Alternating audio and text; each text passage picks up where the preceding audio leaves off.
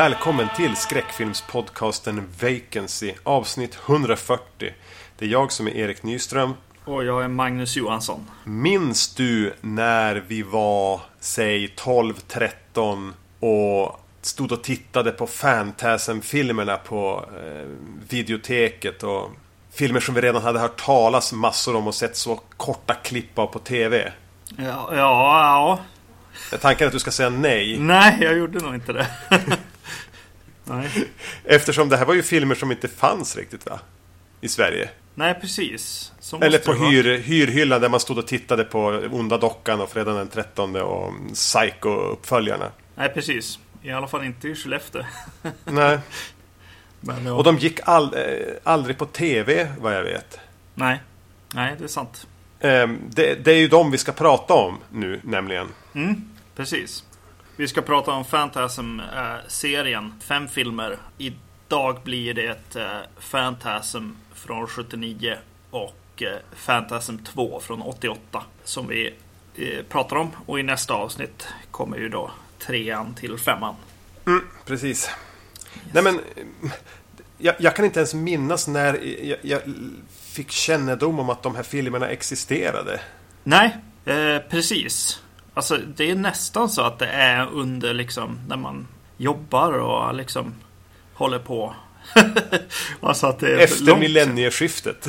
ja, precis. Eh, ganska långt, långt eh, senare. Och eh, de kom väl under en, en till, till mig liksom i en period där det verkligen kändes som att jag hade koll på det här på något sätt. Ändå. Ja. man, man eh, hade sett det mesta i slasher-genren och, och Romeros zombiefilmer och, och eh, det som kom i, i kölvattnet av det. Och, ja, och börja se italiensk film och så här. Fulci och så. Men helt plötsligt var det nog någon som liksom bara sa, men vad tycker du om Fantasm då? Så bara, eh, ja, jag vet inte. Nej men det var lite samma läge, att det bara började surra någonstans om, om de här filmerna som var en serie och även The Tall Man. Ja. Alltså som en slags Freddy Krueger eller Jason eller Michael Myers typ. Mm. Eh, var i alla fall den föreställning jag fick. Eh, och, och, att den låg där och puttrade under några år som de här filmerna jag inte hade någon koll på. Som in, inte verkar haft någon marknad i Sverige riktigt. Nej. Kanske är, nästan uteslutande var ett amerikanskt fenomen då. Nu gissar jag. Ja. Eh, och sen, sen när det blev mer att man började samla på sig DVD och, och eh, gräva mer i vad det finns för skräckfilmer man inte har sett. Tror jag fick mer koll på dem. Men då kanske det var under en, ett eller två år då de var väldigt svåra att få tag i på DVD också. Mm. Eh, och då plockade jag fram nu ur hyllan. Jag har fått upp min filmhylla förresten för alla som har varit oroliga. eh, nu när vi skulle börja se filmen och då såg jag att den här boxen som eh, Anchor Bay-boxen som jag, jag har använt mig av nu är eh, silverfärgad box. Det kom även en version i form av ett sånt här klot. Eh, den släpptes 2005. Ja. Okay. Eh, och jag vet att du och jag såg eh, de två eller tre första tillsammans i samband med att den boxen kom. Ja. Så, så, så det är ändå inte... Ja okej, det är 12 år sedan. Men för mig blir det på något sätt modern tid. Precis. Då kändes det som verkligen också att se någonting som som så här, ja men vart har det här varit i mitt liv lite grann? Jag tänkte lite grann på den här känslan jag hade när vi gjorde Arnold-avsnittet med, med Red Heat och Raw Deal. Ja. Där jag beskrev lite grann att det känns som att jag fuskade eller hade hittat på en Arnold-film som var från den, den era där jag är van att se honom men jag hade aldrig sett dem för. Mm. Det här var väl lite grann den skräckfilmsklassiker från sent 70 eh, som är en serie som har gått genom 80 och 90-talet som man inte har sett. Nej, precis. Ja. Mycket så. Och det, det, var väl min första sådär eftersom att man hade sett det mesta eh, i unga, unga ung ålder höll jag på att säga. Eh, nej, men i alla fall fram till, till här 2005 eller vad du sa. Eh, och eh, det var väl den första som var lite sådär som eh, Hausu på podden har varit liksom. Någonting som, som kändes som bara wow, vad, vad häftigt det här är liksom. Eh, jag vet att jag gillade det väldigt, väldigt mycket då, när vi såg dem. Mm. Jag minns inte alls mina egna upp, alltså, att jag hade några starkare känslor åt det ena eller andra hållet. Jag var ganska blank nu när jag gick in i dem igen. Eh, det var väl just det där att, att man fick, fick eh, reda på att det fanns, eh, fanns där ute någonting. Liksom. Det fanns mer att hitta ändå i slutändan. Vilket man kanske hade tappat hoppet på lite grann. Så kändes det då verkligen. Mm. Mm. Jag måste ändå bara fråga om, om vi nu om det är en, med en viss bitterhet vi, från din sida vi tacklar de här filmerna nu. Med tanke på att vi hade bestämt oss, kanske i slutet av förra året, att vi skulle göra Fantasm så fort vi bara kunde få vantarna på den här femte delen. Eh, och att, och att den, vi, vi, snokade upp den på en amerikansk utgåva helt enkelt och, och beställde den. Just så går det två veckor.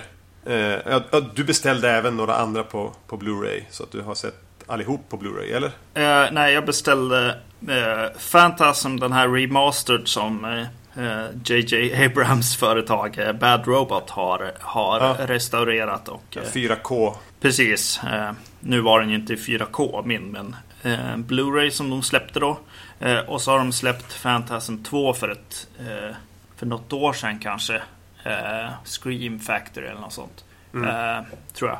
Och, eh, så jag beställde ju de två och den här eh, femman då. Nya filmen. Och i, i, i hopp om att ja, men någon gång kanske de släpper trean och fyran. Jag vet inte. Men jag hade inte så stora förhoppningar på det på något sätt. För att det var så, så stor grej att Phantasm och eh, Ravager eller vad den heter nu. Eh, mm. Släpptes eh, på Blu-ray liksom nu.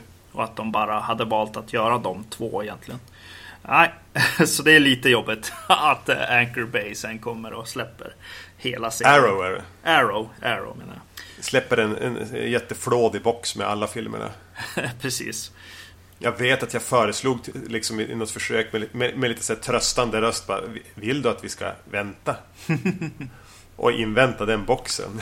Ja, nej Medan men... du stoiskt bara, nej, nu gör vi det här. Nej, precis. Nej, men jag kan inte köpa boxen också när jag köpte tre tre av dem eh, på Blu-ray redan. Jag vet inte. Vi får hoppas att de eh, delar upp den där boxen någon gång. De brukar ju göra det. Ja, ja vi får se. Har vi nämnt att det är Don Coscarelli som har gjort hela den här eh, serien? nej, det har vi inte nämnt. Känd, mest känd för Bubba Hotep kanske, numera. Just det. Eller, eller vad heter han? John Dice at the End. Eller vad? Ja. Han eh, har ju skrivit och eh, regisserat de här. Och eh, någonting som jag måste fråga om innan vi går in i den här eh, serien. Som jag har lite problem med, med min hylla här.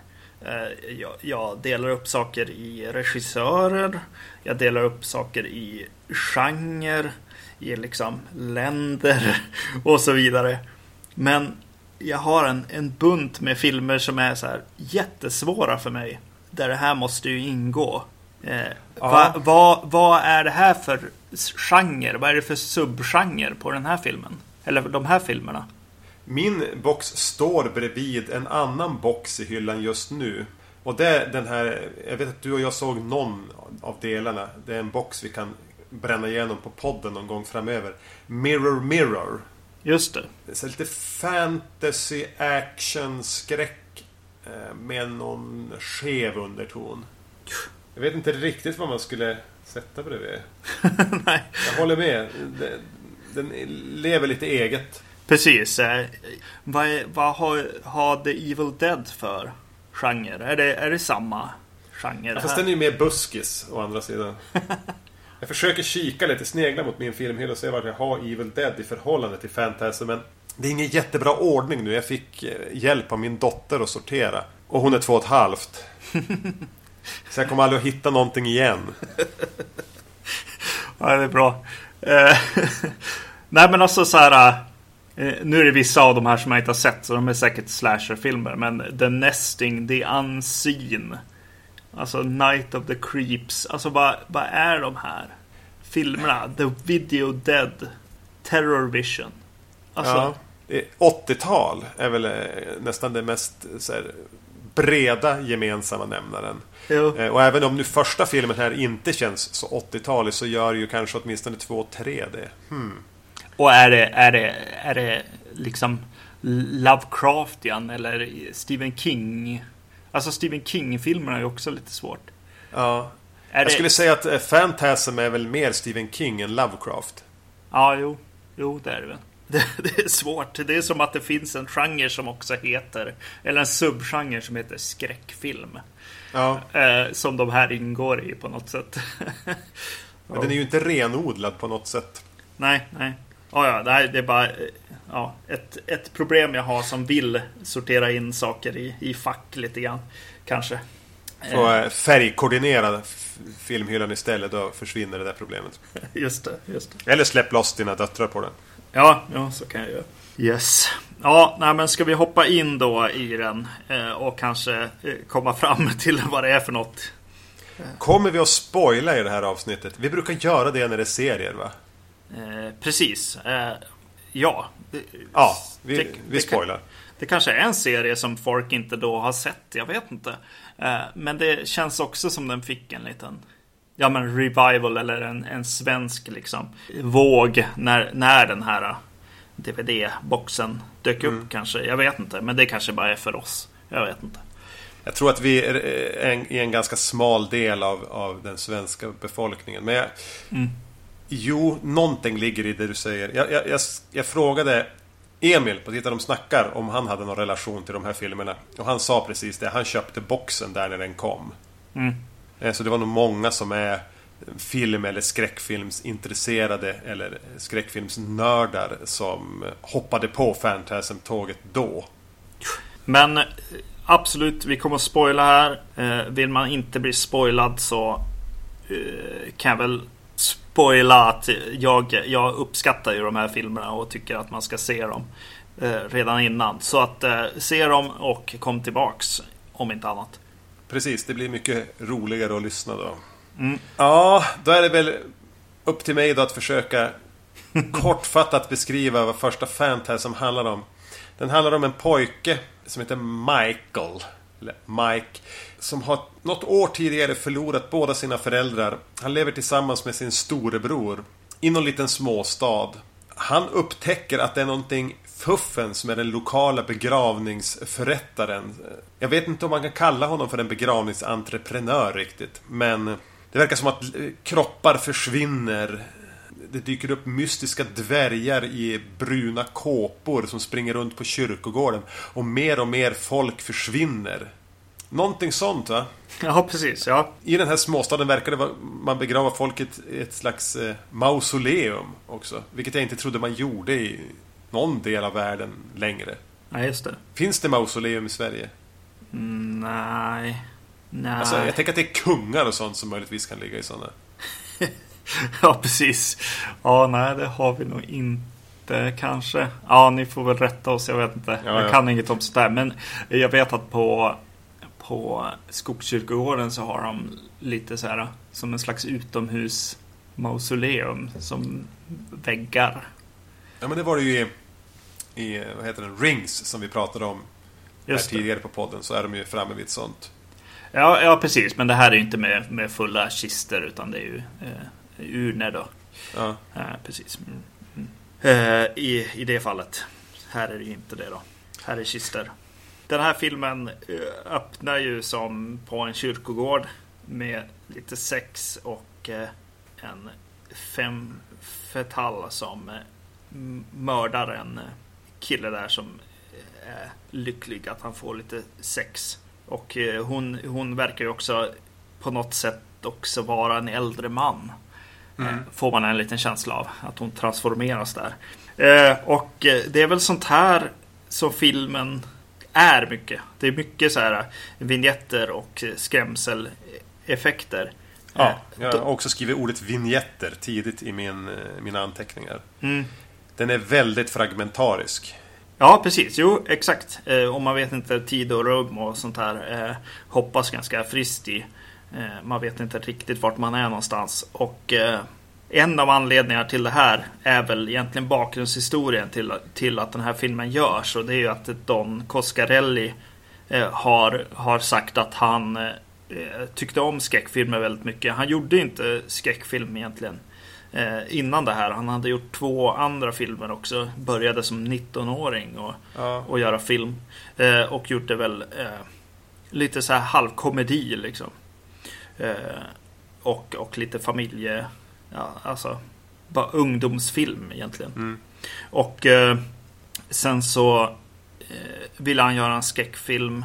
Och det som han gillade, eller det han blev besviken på lite grann med skräckfilm var att, att när han såg på trailers och reklam, eller framförallt då kanske trailers, eh, så fick han en, en, en, känsla av att de hela tiden liksom var, eh, var spännande och det kom skräckeffekter hela tiden, liksom ständigt eh, press och, och eh, och eh, lite berg och dalbanekänsla liksom. Och så sen när han gick och såg dem så, så innehöll de en massa eh, Story? Eh, story, utfyllnad och eh, liksom Ja, det var inte, inte skräck hela tiden så att säga. Och eh, så han ville göra en film som, som åtminstone hade någon typ av skrämseleffekt var femte minut. För varför ska mm. man inte göra det när det är en skräckfilm? Tyckte han. Eh, berg och dalbane-grejen ville han göra. Verkligen. Och det gör han ju väldigt. Var inte det ursprungliga Fantasm även eh, typ, över tre timmar lång? Eh. Tyckte jag mig ha läst någonstans och att han klippte ner den till, vad är den? 90 minuter. Där.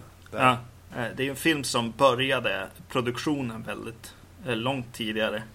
Och, och den här, vad heter han, Mike pojken i filmen blir, blir som äldre och äldre genom, genom filmen här. Ja. Eh, för de eh, ja, gjorde bara mer och mer. Och jag tror att bland annat så säger de att ja, men de här dvärgarna ser ju väldigt mycket ut som Javas i Star Wars. Ja. Och Star Wars kom ändå 77.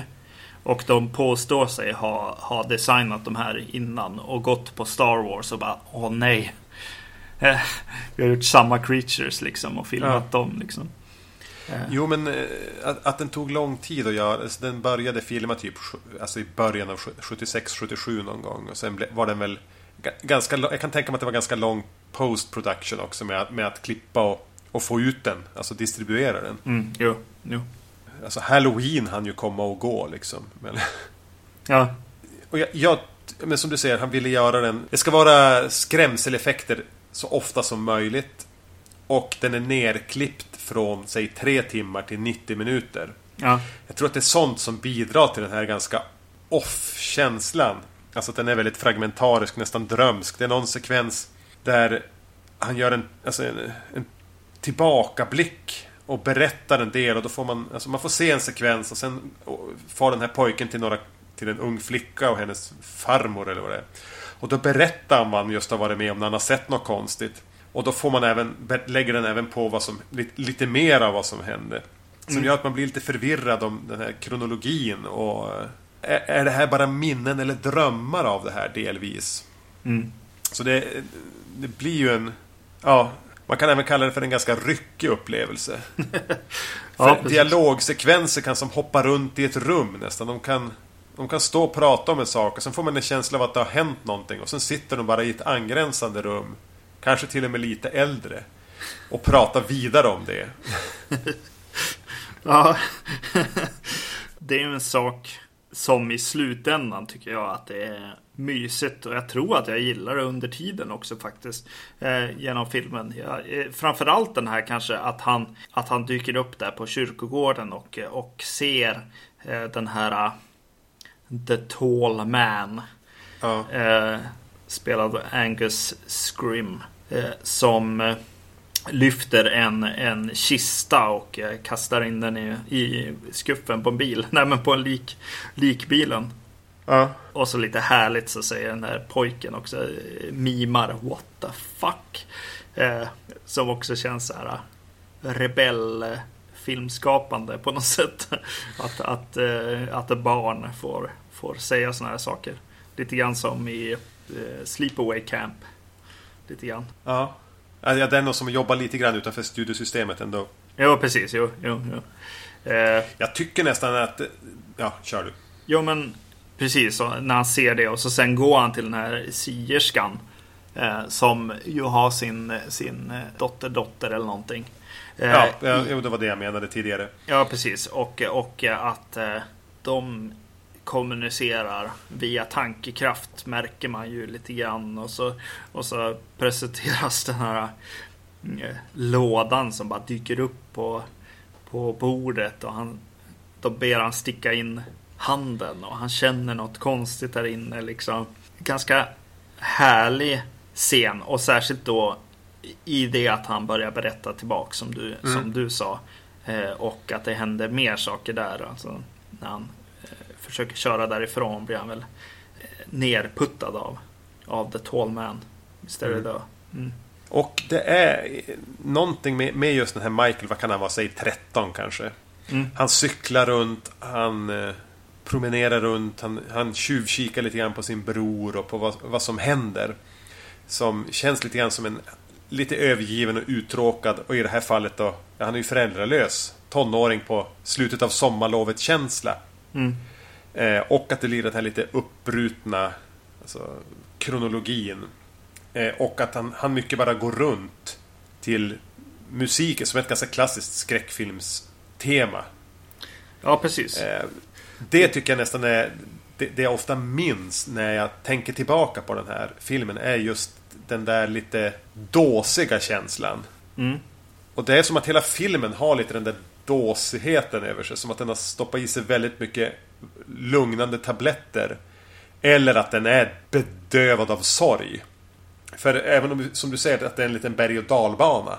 Att den ska vara ganska... Men den är ju inte så rapp ändå. Den är ju mer drömsk än rapp. Ja, precis. Jo, det är den ju. Och handlar om, om, om döden och vad händer efter den och, och, och allt sånt där. Eh, och då eh, framförallt liksom eh, rotas i de här Eh, bröderna som är kvar efter att föräldrarna har, har eh, dött. Och, eh, och den här yngre brodern Mike, han visar sig ju vara rädd för att förlora mer i familjen. Alltså sin, sin bror. Och är rädd att han ska flytta ja. därifrån och därav följer efter sin storebror. Försöker se till att han egentligen inte bara en dag är borta liksom. Det, de bitarna även när jag sa att den var lite mer Stephen King än Lovecraft. Just det känns ganska Stephen Kingigt. Jo, precis. Jo. Eh, och eh, gör ju just den här filmen till någon slags alltså, familjeangelägenhet som man känner av, tycker jag, redan i den här första filmen. Det kommer ju mer snack om det sen, men det är någonting med eh, att hela, hela filmen känns som att den är ja, andas just de här familjebanden och brödraskapet på något mm. sätt. Eh, och, och just att det är en yngre kille som det handlar om, som, som, liksom, som vi får följa. Och eh, med tanke på när vi brukar se på eh, skräckfilm, liksom. Alltså det, det, det är ju så smart att ha en, en karaktär som de som liksom börjar se på sån här film kan liksom knyta an till och, mm. och, och, känna att de är lite grann. Han blir ju tagen på allvar på något vis, den karaktären. Att han har de här känslorna mot sin bror. Och man vet att det finns en sorg i bagaget, men det är ingenting med föräldrarnas bortgång alltså, men det är ingenting man överanvänder. Nej. Eh, det pratas inte så hemskt mycket om dem. Det är mer, mer deras frånvaro som får tala. Mm. Ehm, och, och det är de, det jag tycker är det är det jag gillar bäst med Phantasm. Kan jag vara tydlig med rakt på en gång. Ja, precis. Jo. Ja, det är den som, som rotar den någonstans eftersom att den är så, så splittrad mm. Eh, som film och be, berättar tekniskt eller vad, vad, man ska säga. Tidslinjen är ju väldigt underlig sådär. En annan aspekt är ju just det att alla de här skräckelementen liksom den här kvinnan, det börjar med, med en kniv Eh, Eh, The Lady in Lavender heter hon ju i eftertexterna. Att, att hon är som det första hotet man får möta men att, att det är en film som bara eh, liksom eskalerar det där och vi, visar nya och nya eh, liksom hot. eh, är ju ett, ett ganska bra sätt att skapa den här berg och dalbanan på. Alltså det är ju verkligen så här. Ja men nu har vi sett det där. Nu, nu, nu tar vi in något, något eh, nytt liksom. Eh, mm. eh, vilket ju också skapar Fantasms alltså, ikonografi på något sätt. Alltså det finns ju så mycket saker att minnas. Alltså det är någonting som, som bygger upp en, en värld här att, att göra liksom eh, fan fiction, fan art av och sånt där. Alltså ba, bara den här Kudan, Barracuda eh, bilen som de kör, in, kör omkring i som de har målat svart. Fanns tydligen inte i svart. Eh, men efter den här filmen så åkte de omkring en massa sådana svarta bilar. Eh, och eh, ja, musiken är ju faktiskt en sån. Den blir ju mm. lite, lite ikonisk. Den är lite jobbig att se på nu när jag har haft i, i något år nu. Den musiken som, som ringsignal på telefonen. Så jag var tvungen att kolla på telefonen om den ringde några gånger. det och så vet det, ja The Tall Man, eh, Kvinnan med kniven eh, och så Javas-dvärgarna och så de här bollarna. Precis, och bollarna. Eh, men, och, men också alltså, musik alltså, i, i karaktären, alltså Reggie. Eh, som kommer in, glass, glassbilschauffören som, som känner storebrorsan. Mm. Eh, Eh, där de brukar spela musik tillsammans. Liksom. Han är ju ikonisk och, och hans fordon är ju framförallt det eh, också. Liksom. Så det gillar jag väldigt mycket med den här. Alltså på samma sätt som Twin Peaks är väldigt eh, bra på att skapa de här grejerna. Man kan, man kan typ tatuera in en kopp kaffe på kroppen och säga att jag har en Twin Peaks tatuering. Liksom. Det är lite på den eh, nivån den här jobbar också lite grann. Eh, att, det, att det finns väldigt, väldigt mycket. Den jobbar med, den jobbar med, den, den jobbar med mycket. Eh, ja, och, och, på ett sätt så finns det ju inga regler heller i, i Fantasm-universumet. För allting mm. kan hända hela tiden. Det kan ja. öppnas en låda och så flyger det ut en stop motion geting med huggtänder. alltså det... Och det där är ju jävligt svårt. Ja. För jag blir matt av den här avsaknaden av regler och att det ska hända någonting var femte minut. Om det är liksom att The Tall Man hoppar in genom ett fönster. Eller att någon karaktär helt plötsligt har irrat in sig i det här mausoleumet och blir jagad av de här eh, silverbollarna. Eller att någon random karaktär blir påhoppad av någon av de här Javas-dvärgarna. Mm. Jag, jag blir lite matt av det. Eh, det är ju skumt och flummigt. Men det är något lite ointressant samtidigt för, mig. Att göra en film som har så mycket infall. Ja. Eh, alltså lite, den är ju lite så här Evil Dead ADHD på ett ja. sätt. Mixat med det här drömska och fragmentariska berättandet. Det är ganska svårt att, att, att vispa ihop den smeten så den tar ihop. Mm, mm som jag sa, jag minns inte vad jag tyckte om den när jag såg den första gången. Eventuellt tyckte jag bättre om den nu, men nu blev jag till slut lite less på alla de här sakerna som skulle hända hela tiden. Och att jag ständigt var vilse. Kanske framförallt eftersom jag hade gillat vissa delar av de här som... Det är väl från den första, första tredjedelen av filmen med... Ja, men det jag redan har berättat om att jag tyckte om. Mm. Att ju mer som ska in och ju mer som ska hända hela tiden definitivt på bekostnad av, av någon form av dramaturgisk kurva eller någonting. Ja. Gör att jag hinner bli uttråkad. Just det. Eh, och, och, jag tänker att man kanske kan gå in på lite några av de här... Ja, jag måste med det, det är ju ikoniska saker som är med. Mm. Eh, och, och, och, det är lite hit and miss där. Eh, det är väldigt mycket så med Framförallt så, så vill han ju jobba med jump scares ibland och cheap scares och sånt. Ja. Eh, de, de sitter inte i tajmingen, alltså, tycker jag i alla fall. Mycket, mycket Nej, av de grejerna. Ganska många bommar. Ja, precis. Jo. Men sen så, alltså, jag kan ju tycka att den här drömmen som pojken får när han lägger sig i sin säng och så, ja, helt plötsligt så vaknar han på kyrkogården med The Tall Man poserandes, hållandes i, i sängpelarna heter det inte, utan Sänk, Sängstolparna. Stolparna, ja. ja precis. Som ju sen visar sig vara någon slags framåt, liksom premonition. Och så sen ja. så kommer det upp liksom zombies eller någonting upp ur, ur, ur marken där. Den bilden som dyker upp där är ju för mig ganska häftigt. Det känns som ett Black Sabbath-omslag eller någonting. Eh, vad heter den då? Är det Sabbath, Bloody Sabbath? Ja, jo. Ja, just det, som jag tänker på. uh, Men jag, jag, måste ändå, jag tycker ju om The Tall Man faktiskt. Mm. Angus Scrim, när han får för, vara med för mycket så blir han lite pajig.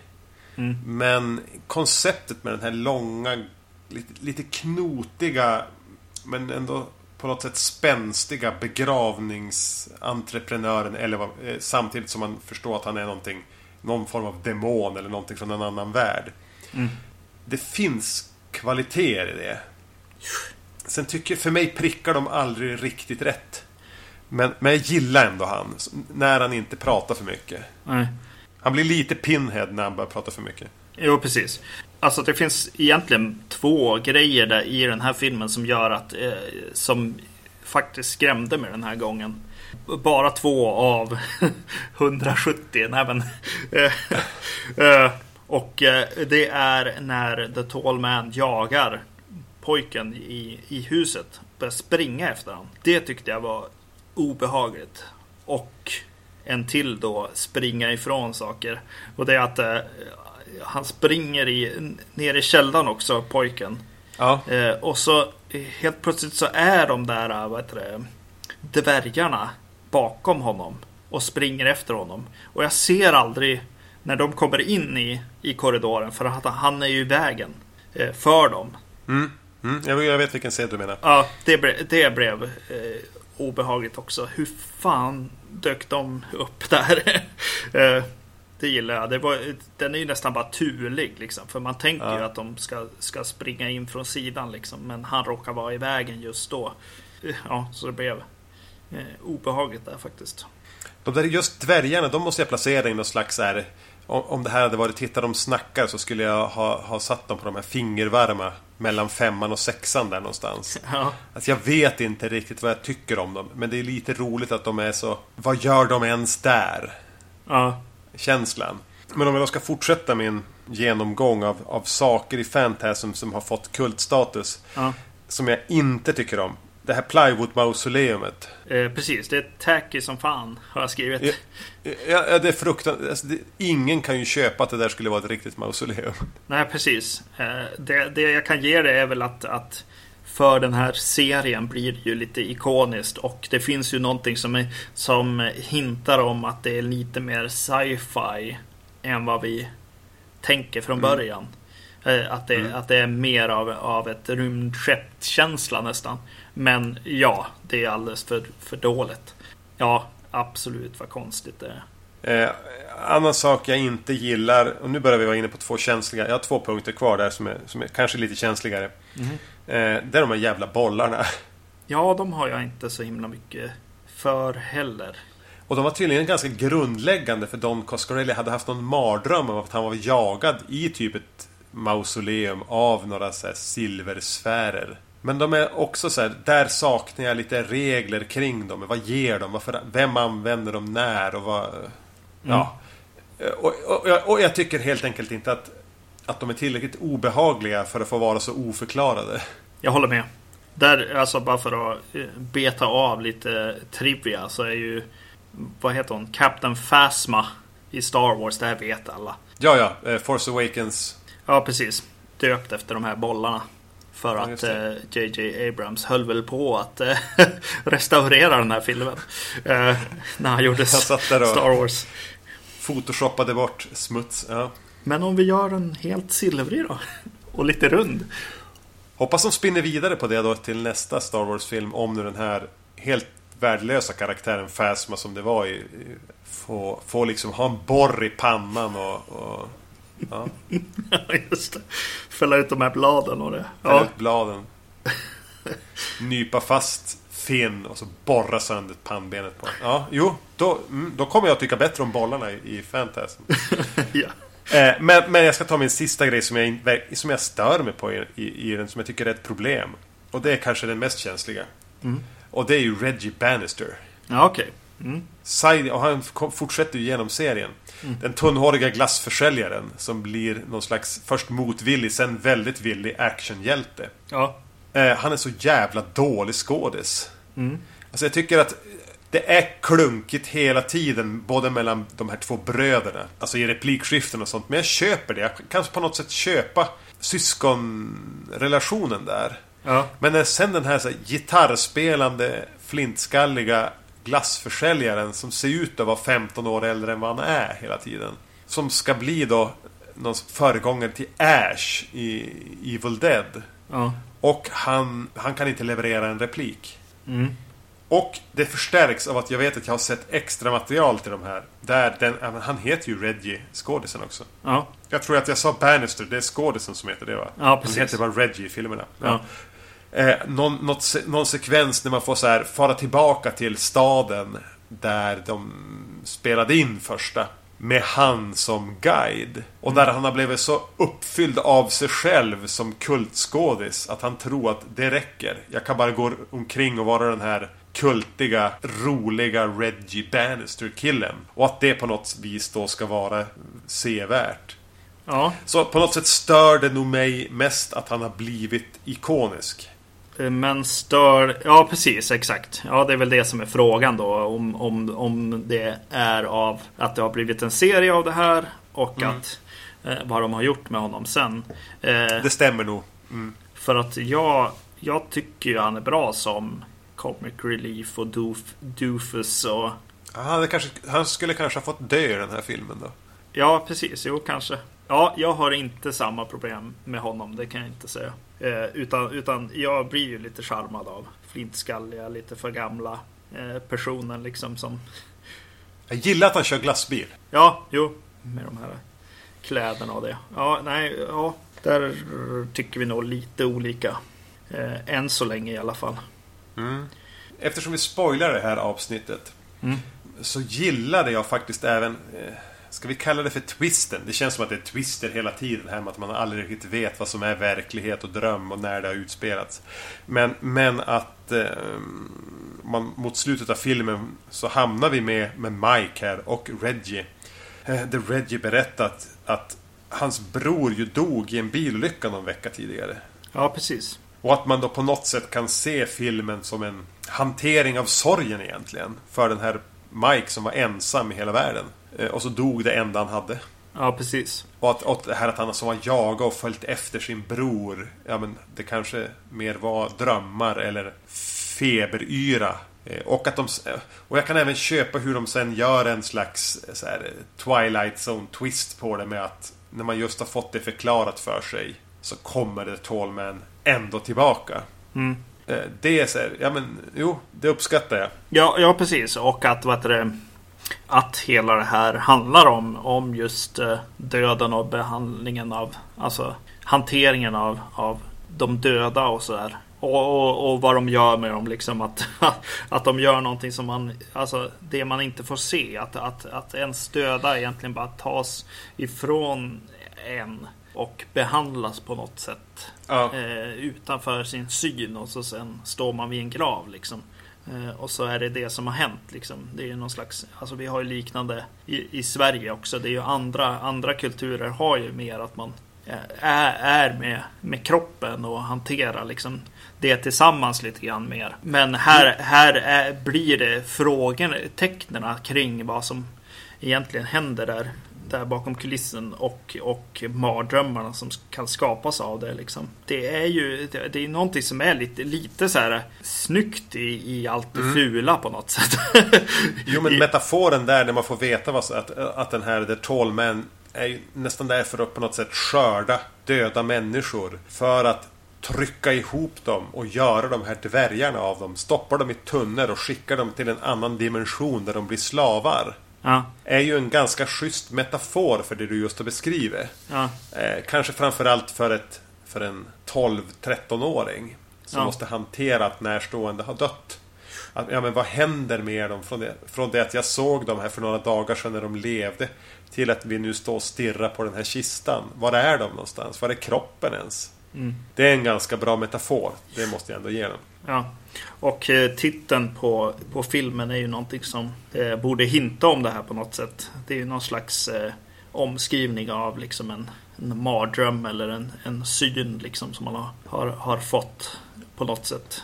Mm. Någonting, eh, eh, inte Lovecraft utan Poe skrev om. Att, att jag hade en, en fantasm snarare än en mardröm kanske. Mm. Eh, och ja, eh, två saker som är tekniska saker eller, eller bara saker som jag vill, vill kommentera innan vi går vidare. Eh, det är att jag tycker att det är lite häftigt att se någon skjuta Eh, egentligen, ja, först kanske vi måste säga det här med MacGyver-grejen som, som pojken får göra när han ska öppna en dörr och skapar en slags hagel, hagelhammare. Ja. Lite så här mysigt 80-tals eh, ungdomsfilm liksom. Mm. Pojkfantasigrej. Ja. ja, precis. Sen tyckte jag att det var intressant för jag hade aldrig sett det förr. Och det är att han skjuter Eh, ett däck inifrån bilen. Skjuter mm. sönder ett däck inifrån li likbilen där. Det kändes originellt för mig. Jag, jag, jag, hade inte sett det förr eller annars har jag glömt bort det. Men det, mm. jag tyckte att det var lite häftigt.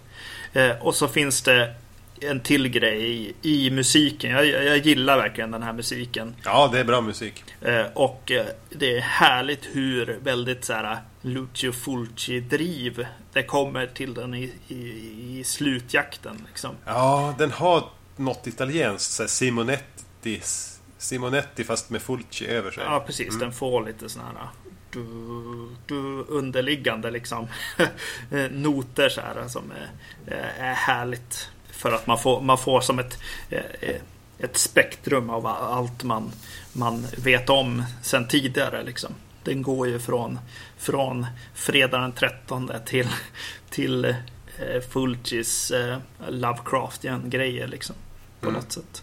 Då, då, då, hakar jag på en sista poäng innan vi går vidare till Fantasm 2. Jag hade lite problem med hur de bara slängde sig med skjutvapen hela tiden. Mm. Det var som inga problem med att en 12-åring stoppar ner en revolver i, i liksom jeansen. Nej. Den är, den är lite för förtjust i skjutvapen. ja. Och, det är väl de här action-elementen då som kanske inte riktigt... Jag, jag är ju ingen actionkille. Eh, och, och jag tycker inte skjutvapen är så spännande i skräckfilmer. Men ja, Nej, det är det, det jag småsatt och läste av. Jag tänkte på, på kommando här liksom. Att, att jag gillar den mer än vad du gör. Eh, mm. Jag kände att så här, här kommer det vara ungefär den skillnaden egentligen. I och med att den, den går lite åt det hållet också. Att den, den blir lite actionrulle också samtidigt. Ja, ja Ganska tydligt. Med de här grejerna och, och att eh, ja, pojken får köra bil och annat också. ja, men det ligger väl i att föräldrarna inte är där längre och sånt där. Och att, att, att en storebror måste ta hand om en och då... Då blir det sådär. Då blir det andra regler liksom. Det här grundar lite grann i någon eh, liknelse jag vet att jag använt tidigare. Som hur olika vi är stöpta du och jag. I att, du vet när man kom hem eh, tidigt, så mellanstadiet och högstadiet kom hem och slog på, från skolan och slog på TVn. Mm. Så, så föredrog du Airwolf och A-Team.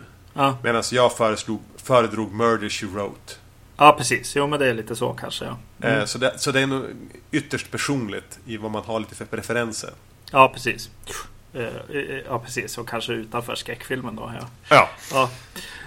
Där vi brukar vara ganska li liknande ändå.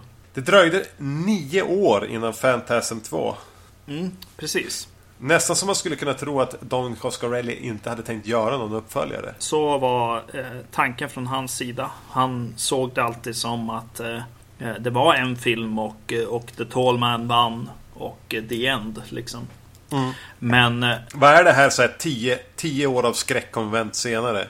Ja, det är väldigt mycket fans fansen som har tjatat sig till det här och fått han att, att tänka. Och har väl aldrig riktigt fått någon idé men det han säger själv är att till slut så, så när jag såg eller fick tanken att den börjar precis exakt när den andra slutar. Då, ja. då kan jag börja göra någonting. Eh, vilket ju är någonting vi på något sätt känner igen lite grann från Halloween-filmerna också.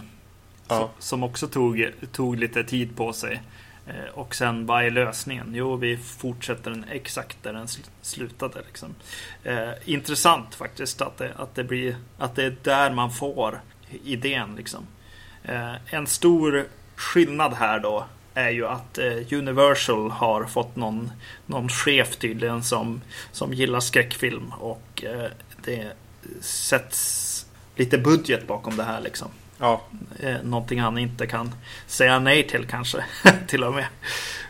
Don Coscarelli. Och gör den här filmen då. Vissa, vissa saker kommer med, med den dealen. och det är att man måste väl sälja sin film lite mer. Och då byter man ut huvudkaraktären Mike som i originalfilmen spelas av Michael Baldwin han byts ut mot en, en skådis som faktiskt jobbar ja. fortfarande med, med att eh, skådespela och, och någon som, som en del i alla fall skulle känna igen. Som blev James LeGross. Jag läste det att, att när eh, Coscarelli skulle få göra den här så sa Universal, visst var det Universal? Mm att ja, men både Hem Baldwin och eh, Bannister, ingen av dem hade väl varit speciellt aktiva de senaste åren när det var dags. Nej, precis. Så de sa vi kan inte ha de här, så här pensionerade skådisarna. Nej. Utan du måste byta ut dem. Och han sa jag vägrar, jag ska ha dem, annars är det inte Fantasm. Och så hade de väl möten och, och, förhandlingar, vilket gjorde att han fick välja en av dem till slut. Precis, han Reggie här, han hade, han hade faktiskt börjat jobba på en begravningsbyrå. Eh, lite konstigt nog sådär. Men eh, han eh, fick faktiskt till och med göra screentests. Alltså faktiskt. Alltså audition eller? ja, precis. Köra audition. Eh, och eh, fick väl rollen då. Jag vet inte om det var skrämseltaktik eller inte. Men, men han, ja, han lyckades väl. Men det var väl Don Coscarelli framförallt då. Som eh, kämpade för honom. Angus Scrim sa att eh, han, han, Don Coscarelli hade kommit till honom när de hade manus och skulle, skulle börja filma alldeles strax. och bara, ja nu kör vi, Fantasm 2. Han bara, ja okej, okay, så du tar för givet att jag ska vara med. ja, ja. Den, den, den tar ju vid inledningsvis, alltså direkt med det som händer i slutet och ger en liten annan förklaring på att de kommer undan det som händer i slutet på första filmen. Ja. Eh, och sen, sen gör den väl ett litet språng framåt i tiden. Mike och Reggie här på något sätt lever på jakt efter The Tall Man. Mm. De ska hämnas och till slut hinner de ifatt honom. Där han har, eh, liksom verkar åka runt och skövla småstäder på både de levande och sen de döda. Mm. Man skriver in en kvinna här och eh, lite, lite, fler karaktärer. Men eh, det är en ganska rak fortsättning på hur de jagar, hinner ifatt och eh, har en slags eh, showdown med Tallman och bollarna och dvärgarna och ett nytt mausoleum. Mm. Men det som är mest tydligt här är ju framförallt att det här är en mycket större budget. Precis, och det har de lagt på fler karaktärer och den här road, road movie känslan som den får. Det, det, det är många så bilder på hur, hur de åker i en bil och kameran eh, glider upp och visar hur de åker genom the Midwest eller någonting. Landskapsbilder och sånt. Precis, men också eh, åker genom, genom städer som är helt igenbommade och brinner och ja, du vet. Det är post-op och liksom ja. fantasm där. Jag minns att när vi såg de här första gången. Jag tror att vi såg åtminstone de två första tillsammans. Ja så var jag lite mer förtjust i tvåan. Just det. Minns jag när den drog igång. Mm. Snygga titelsekvenser va? Ja, snygg metalllogga där. Ja. ja. Jag kan ändå, ändå hantera de här skådisbytena. Det stör inte mig jättemycket. Eller Nej. bytet. Ja. Nej, precis. Uh, här kommer det ju vara uh, lite som du, du kanske var inne på lite grann. Att, att uh, Reggie är ett problem genom serien för dig. Ja. Och hur han byggs upp liksom till att, att försöka vara Bruce Campbell här. Eh, eller Ash då, i Evil Dead. Mm. Men här blir det ju i, i när summan av kardemumman när det, när det finns eh, ja, fyra, nu har jag inte sett femma, men det är ju fem filmer. Eh, och eh, då kommer ju faktiskt Michael Baldwin tillbaka och de här resten av, av filmerna kan vi väl säga är ju ännu mer av en, av en familjeaffär. Ja. Det handlar om fansen och filmskaparna och skådespelarna. Liksom. De ja, men... kommer tillsammans och, och skapar den här serien. Tvåan är ju den stora sellouten. Mm. Den stora kompromissen där Universal var inne och petade i mycket. Mm. Om, vi, om vi ser dem i tur och ordning och tittar på dem som de är nu så är, så är ju inte skådespelarbytet ett problem och förmodligen inte eh, överlag heller egentligen. Nej. Eh, nej. Utan det är ju en skådespelare som kan, kan sin grej och hittar någon slags eh, ton för vad det här ändå är som, som är eh, ganska bananas. Mm. Mm. Eh, så då börjar den. Reggie springer upp, ser att, eh, att eh, Mike är i fara och springer ner och ska hitta eller tar en hagelbrakare. Eh, börjar kolla efter ammo. Och eh, första jumpscaren dyker upp där när han håller på och öppna olika lådor och skåp.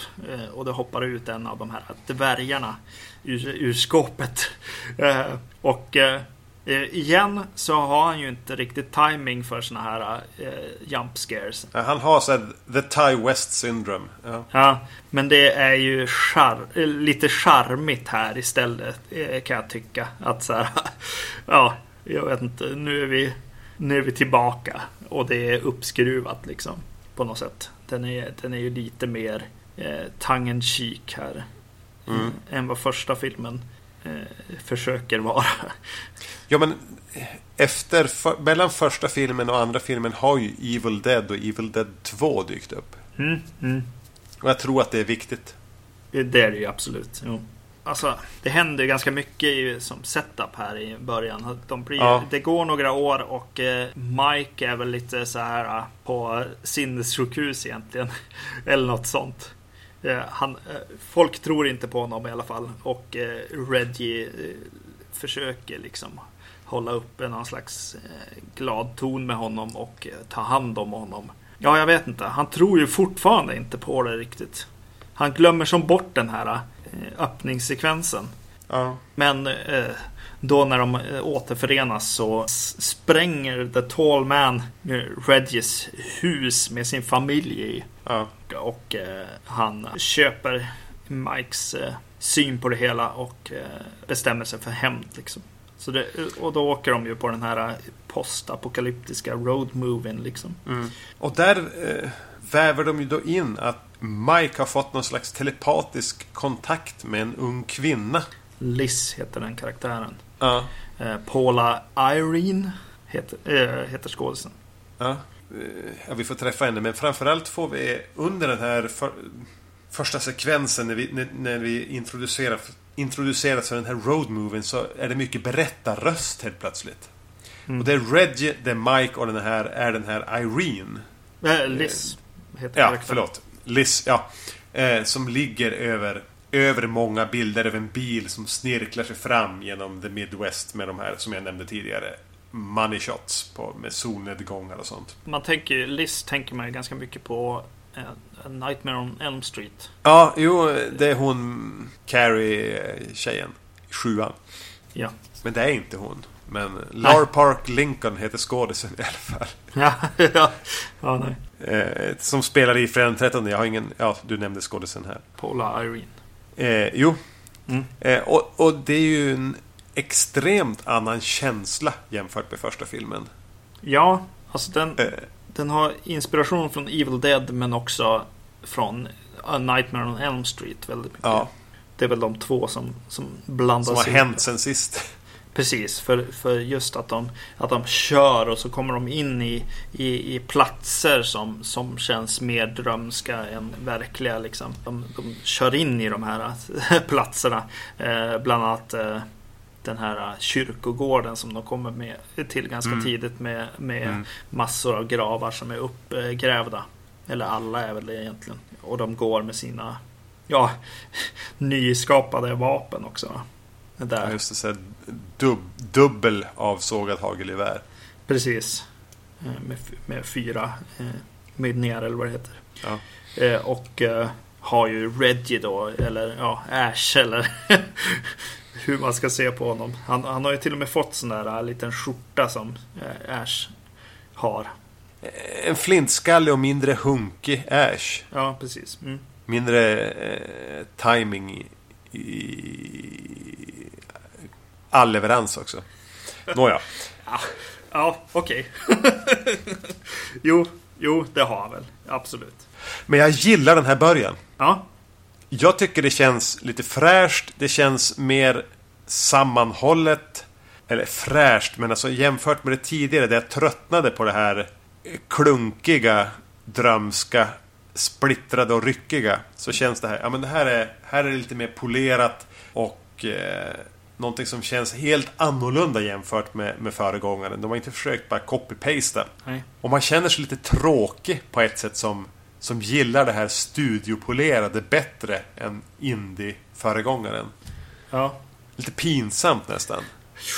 Men det, ja, sån är jag. Ja, precis. Min nästa note som låg eh, på tur är att jag bryr mig lite mindre här. Jag börjar känna att det är lite för många i, i filmen och eh, det är för mycket karaktärer kanske. Det, inte, det handlar inte om, om eh, relationen mellan folk riktigt. Även om, ja. Ja, men det är lite krystad den här relationen mellan Liz och Mike. Som de till och med måste krysta ihop med någon slags telepati. Det köper jag helt och fullt. Alltså, jag, jag bryr mig ju inte om karaktärerna här. Nej. Men det känns skönt att slippa det här där man inte är säker på om det bara är inkompetens eller om det är medveten knepighet i, i berättandet till föregångaren. Ja, precis. Och där gillade jag nog det mer än, än det här lite linjärare berättandet eh, mm. själv. Men sen kommer de som fram till staden där de ska ha sin eh, showdown. Eller ja. staden, ja. Och om det varit en road movie, om vi använder någon slags bilmetafor, så är det verkligen ett så här tvåhandsgrepp om, om eh, handbromsen och ett kraftigt ryck i den. ja. För här ska vi sen bara promenera runt och bli utsatta för olika saker. Ja. Det är eviga scener på karaktärer från den här staden som går runt i det här mausoleumet framförallt.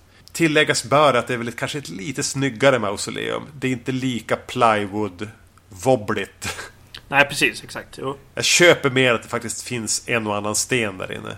Ja, precis. Jo, och jag gillar det bättre också. Även om den... Nej, jag gillar det mycket bättre också. Ja. Men det är någon präst som ska gå runt där till exempel.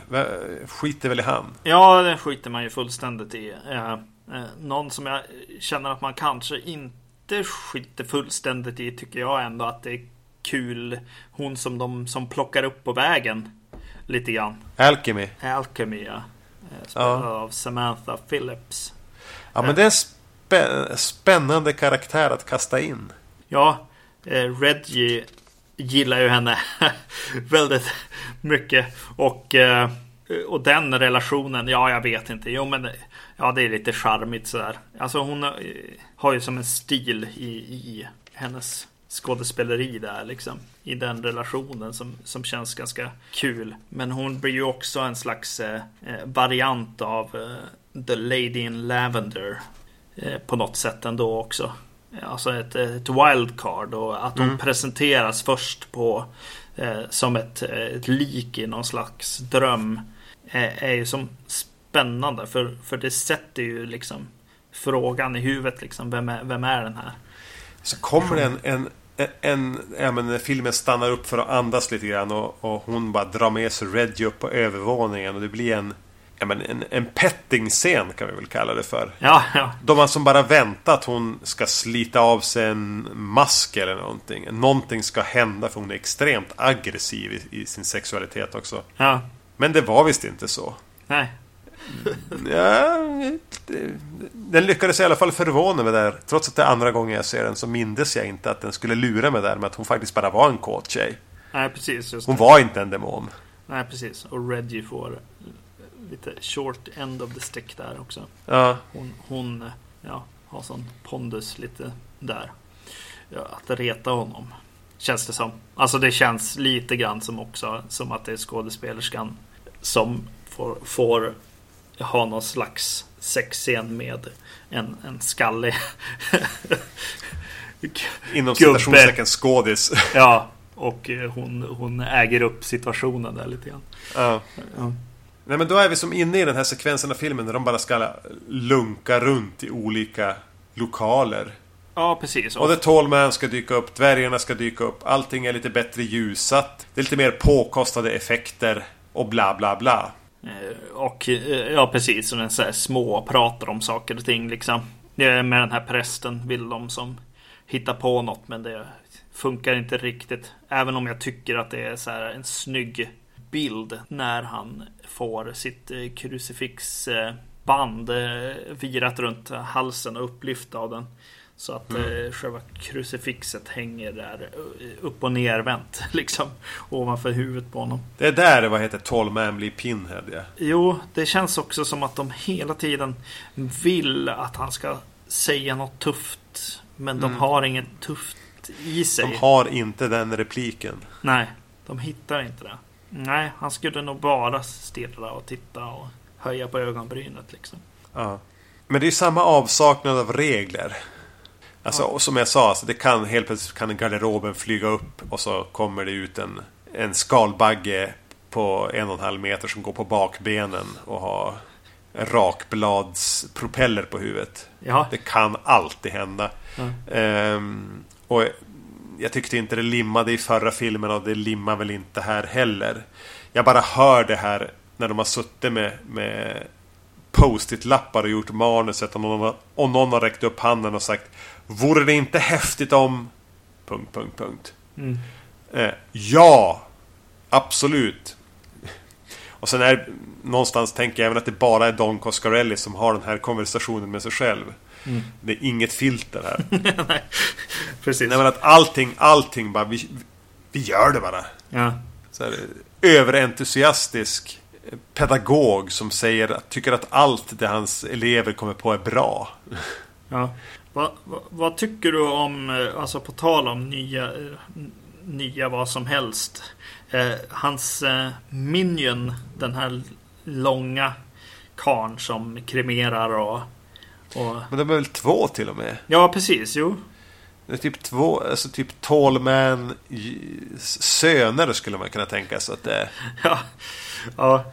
Jag tycker de jag, jag tänkte på Bob Saget hela tiden. Alltså de såg ut som som eh, familjesitcoms-pappor båda två. Ja, ja. Inte så bra. Nej. Nej. Ja. Eller har du någon avvikande åsikt här mot min korrekta?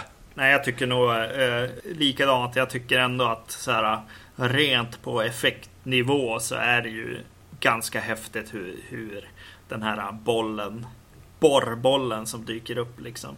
Ja. Och, och eh, punchlinen på det är ju liksom lite äckligt. Ja, jo, men det är en schysst effekt. Ja. Om, om, man ska säga det så. Jag håller med. Jag gillar det och, och att han liksom ja, går igenom så mycket innan dess också känns det som. Det blir, det blir någonting humoristiskt där lite grann. Att han eh, måste hugga av sig handen och, och, och det där också. han blir verkligen plågad och, eh, de här, det väcker ju ännu mer frågetecken kring de här bollarna. Ja. Borde ni verkligen använda er av de skurkarna? Nej, precis. Jo, det går ju ganska dåligt oftast för skurkarna snarare än, ja. än de vi följer. Absolut. Eh, någon, någon, bild jag tyckte om också i den här filmen är, är den här rykande eh, kistan som, som eh, personen i gasmask går omkring med lite då och då. Mm. Eh, själva kistan med att den är så här lite förmultnad och, och att det som ryker runt den. Eh, tyckte jag var kul bild liksom. En, en till sån där lite ikonografi liksom. Eh, som, som filmen får. Men den här Jeppen med, det, är någon av de här eh, sönerna, om vi kallar dem för det. Mm. Till, till Tallman som har på sig gasmasken i en, och ska hamna i en motorsågsduell med Reggie. Ja. Då känner man verkligen bara att nu, nu försök... Nu, nu, nu, finns inte det här lite skevt knäppa och skumma kvar. Utan har ni verkligen bara försökt lyfta något från Evil Dead 2. Mm, precis. Och det sitter ju inte på ett speciellt rafflande sätt heller. Det är ju ingen häftig duell de har. Nej. Skämtet med att skurkens motorsåg är dubbelt så lång i bladet är liksom inte så roligt heller. Nej. Ja, nej. Uh, och det hjälper ju inte att uh, Sam Raimis namn dyker upp där också. Ja, ja, herregud. Någonting som Don Coscarelli själv säger beror på att uh, de jobbade på Universal och det gjorde Sam Raimi också. Så de träffades och, och Sam Raimi var ett Fantasm-fan och sa hela tiden Kan jag få en roll? Sätt mig i din film liksom. Det fanns ingen plats för honom. Så då skrev han hans namn på typ en urna eller ja, sådär. Det hade varit bättre att ge honom en liten roll då. Ja, precis. Jo. Jag har en fråga om en gravsten också. Alex Murphy. Står det på en. Alex Murphy, Murphy. Är inte Robocop? Ja, det var det jag tänkte. Det här är inte det. ja, jag såg det inte nu, men när du säger namnet så tänker jag direkt Robocop. Jag tror det till och med är den här eh, döda morfar eller vad det är. Är det Robocop alltså? Som är ro Robocop. Eh, ja, den kommer väl 86, 87 Robocop? Något till jag gillar i filmen är när den eh, bollen åker genom ett par, tre dörrar när de blir jagade. Det är, mm. ganska, det är ganska Evil Deadigt i och för sig men eh, det gillade jag lite grann. Att de som exploderar bakom dem. Dörrarna. Bollarna är bättre i uppföljaren. Ja, det är de nog ja. Precis, förutom då alltså originalbollidén är inte så jäkla bra alltså. Nej, då ska man liksom se det i ett bollar i skräckfilmer kontext här. Ja, ja precis. Ja, ja Mike-rollen också. Alltså karaktären. Han får ju, alltså där han känns så här finurlig och MacGyverig och påhittig och liksom så här lill, lillgammal liksom. Kör bil och sånt. Mm. I, I första filmen eh, så känns, känns han ju betydligt mycket dummare bara. Ja, mesigare och... Ja. ja. Känns som den här eh, skådespelaren eh, kommer med, med, med någonting liksom. Om det är bara hans uttryck liksom. Eh, lite grann. Men det känns alltid som att han inte riktigt förstår vad folk säger. och så. Han känns ju mer som en snygging än vad den här 12-13-åringen gör i första filmen. Mm. Men, men någonting också bara rent grafiskt då när, han börjar, när de börjar springa omkring där och vad han har på sig och sånt där. Eh, jag börjar tänka på att han skulle passat väldigt bra i ett Resident Evil-spel. Alltså typ ja. Resident mm. Evil 2, vad heter han? Leon Kennedy eller vad han heter. Alltså att det är så här. Det är lite ostigt och och, och dumt och knäppt samtidigt som det är någon slags... Ja, som, som att han står ut. Är the odd man out i, i någonting som ska vara läskigt liksom egentligen. Eh, på samma sätt som jag, som jag känner lite grann i, i Resident Evil 2 till exempel. Att de är, de är ju för designade liksom. Karaktärerna mm. lite. Ja, hur tyckte du nu då? Tyckte du att Phantasm 2 är, är snäppet vassare än Phantasm eller?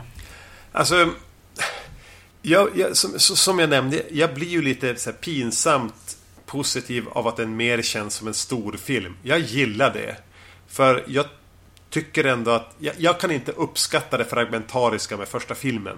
Eh, utan jag vill ha det mer, polera upp det här lite grann. Mm. Gör det mer Evil Dead då. Jag gillar den biten. Jag gillar början. Jag gillar med det här trippla voiceovern som, som drar ihop det till någonting.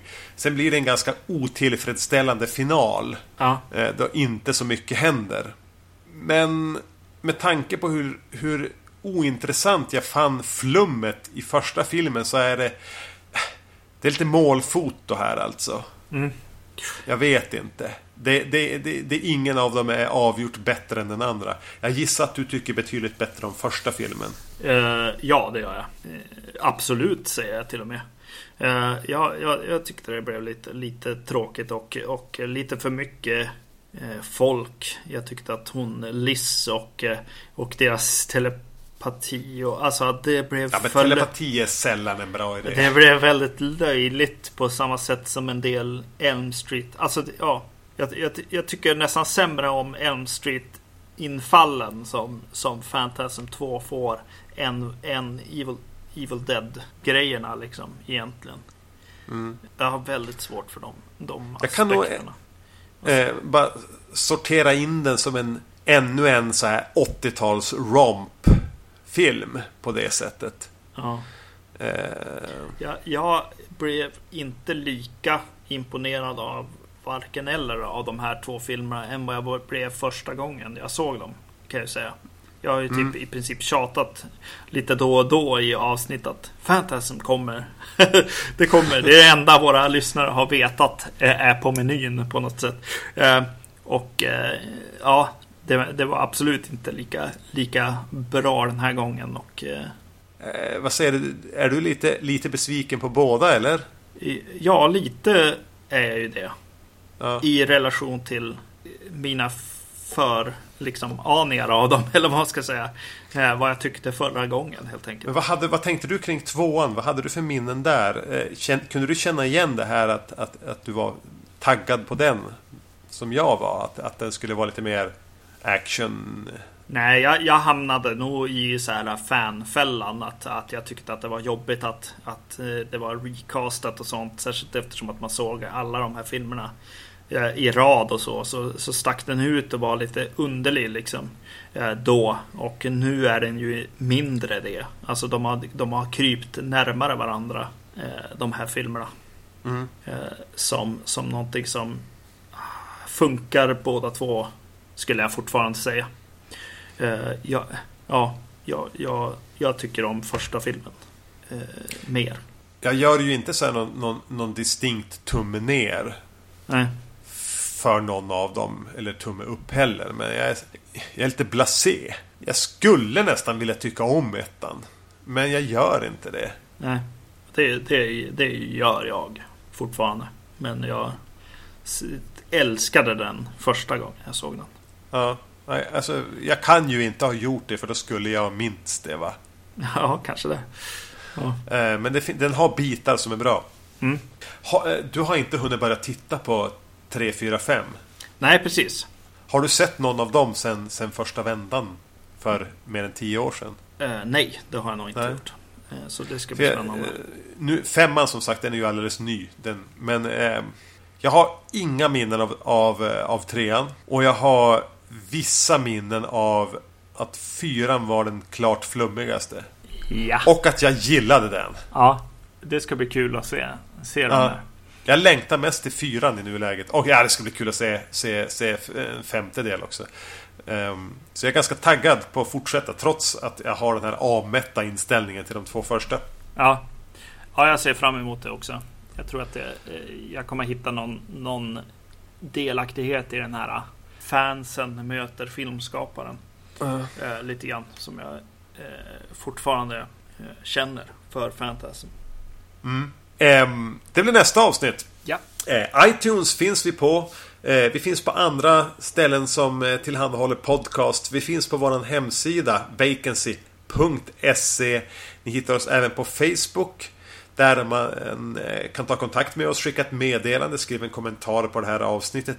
Eller bara gilla den här tråden vi skapar för det här avsnittet. Det tycker vi är kul.